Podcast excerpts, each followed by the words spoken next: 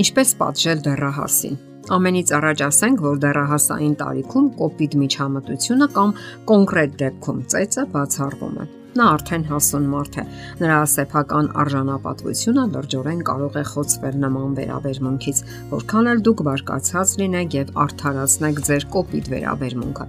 Սակայն դա չի նշանակում, որ ծնողը պետք է հրաժարվի դեռահասի վարքագիծը ուղղելու կամ կարգավորելու ցանկացած փորձից։ Ճիշտ ընդհակառակը Դեռահասը կարիք ունի ամուր եւ հետեւողական ղեկավարման։ Դրանից էլ կախված է սեփական անվտանգության հանդեպ նրա վստահությունը։ Սակայն դուք չպետք է նույնքան հաճախակի պատժամիջոցներ մտածեք նրա համար, ինչպես նախկին տարիներին, երբ դեռ փոքր էր տարբեր հարցերի մտահոգված եւ տրամաբանական քննարկումները կօգնեն շատ խնդիրներ լուծելու։ Այդ տարիքում նա ընդունակ է հասկանալու շատ հարցեր։ Ահա թե ինչու նախ փորձում եք տրամաբանական լուծումների մեթոդը։ Անկամ նրա հետ քննարկում եք, թե պատժելու ինչպիսի մեթոդներ են ընդունելի նրա համար եւ մշակում եք կանոնները։ Դա յուրատեսակ պայմանագիր է ծնողի ու երեխայի միջև եւ բոլոր դեպքերում բացառվում է բռնության բոլոր տարբերակները։ Իսկ եթե այդ մեթոդը օգուտ չի տալիս, ապա կարելի է նրան զրկել որոշ զվարճություններից։ Դուք ինքներդ կարող եք մտածել, թե որոնք են դրանք։ Անհնազանդության որոշ տեսակներ կարելի է ուղղել, եթե գրպանի գումար չտակ նրան։ Սակայն դպրոցում լավ չսովորելու դեպքում այդ մեթոդը չի կարելի կիրառել։ Վատ գնահատականները դպրոցում կարող են այլ հիմնախնդիրների արդյունք լինել, որոնք նույնիսկ իրենից կախված չեն։ Եվ մի մոռացեք, որ յուրաքանչյուր երեխա ունի հնարավորությունների իր սահմանը։ Կարգապահական միջոցառումները գործ ունեն այն դեպքում, եթե նա ինքն է մասնակցում կանոնների մշակմանը եւ ճաշակում դրանց խախտման պտուղները։ Այդպիսի պայմանագրերը բավականին գործ ունեն եւ օգտակար են կողմերի համար միշտ հարկավոր է գնալ երկխոսության։ Շփման դռները միշտ պետք է բաց լինեն, իսկ խախտումների դեպքում երկար քարոզաբանությունները արդյունք չեն տալիս եւ ոչ անհարգալից արտահայտությունները կամ վիրավորական խոսքերը եւս։ Աշխատանք պետք է հանձնարարել դեռահասին կարծես թե կարիք չկա ասելու, սակայն ով չգիտի, որ տիեզերագնացները նախքան տիեզերանավ նստելը եւ այն կառավարելը գերազանց հրահանգավորում են անցնում։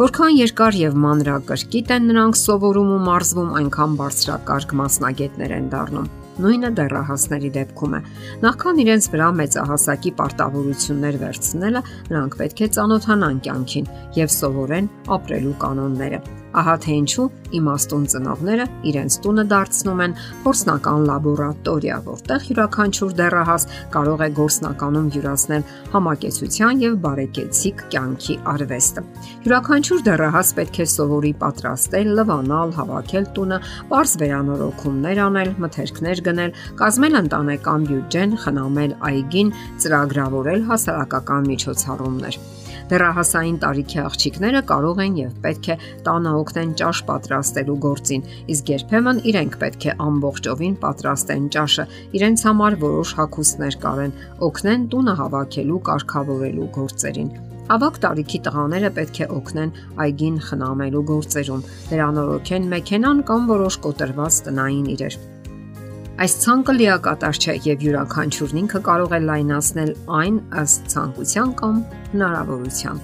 Շատ կարևոր է, որ ավակ տարիքի դեռահասները տանն ունենան որոշակի պարտավորություններ, որոնք իրենց համար կարևոր են թվում եւ հարմար ու համապատասխան են իրենց հնարավորություններին։ Օրինակ, 16-ամյա երիտասարդը ոչ միայն կարող է լվալ մեքենան, այլև արտահայտել իր կարծիքը նոր մոդելի մեքենա գնելու կամ ներկա մեքենայի տեխնիկական զննումն անցնելու առումով։ Դեռահասային տարիքի աղջիկը ոչ միայն պետք է լվատան պատուհաններն ու փոշե ծծիչով մաքրի հատակը, այլև արտահայտի իր կարծիքը ճաշակի ու նրբության առումով տան համար նոր պաստառներ գնելու եւ տունը կոսմետիկ վերանորոգման ենթարկելու ժամանակ։ Թեև դեռահասները պարտավոր են որոշակի աշխատանքներ կատարել տանը, ծնողները պետք է ժամանակ տրամադրեն նրանց նաև դրսում որոշ միջոցառումների մասնակցելու համար։ Դա կարող է լինել ընկերական հավաք, մարզական կամ այլ խմբակներ եւ այլն։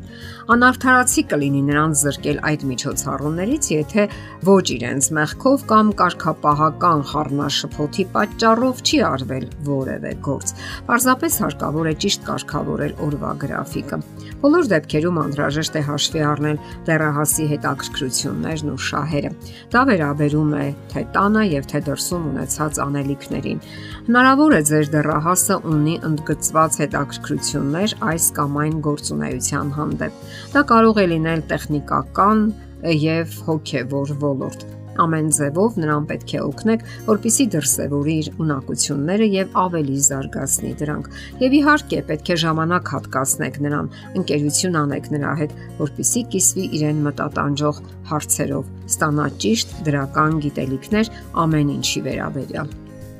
Մեր օրերում համարյա բնական է, երբ որոշ դեռահասներ կամ երիտասարդներ ուսման հետ համատեղում են նաև որոշ աշխատանքներ։ Նման դեպքերում նրանք առանձնահատուկ ուշադրության կարիք ունեն։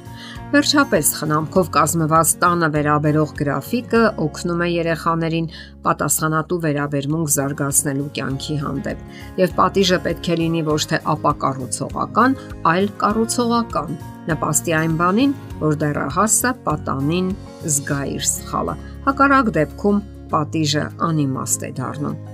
Վերջերս հետազոտություն է անցկացվել իրավախախտումներ կատարած երիտասարդների շրջանում։ Մասնակիցների 88%-ը ինչ է կանում ազատ ժամանակ հարցին, պատասխանել է հետևյալ կերպ. ոչինչ։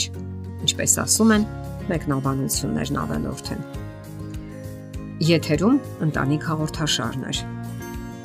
Հարցերի եւ առաջարկությունների համար զանգահարել 033 87 87 87 հեռախոսահամարով։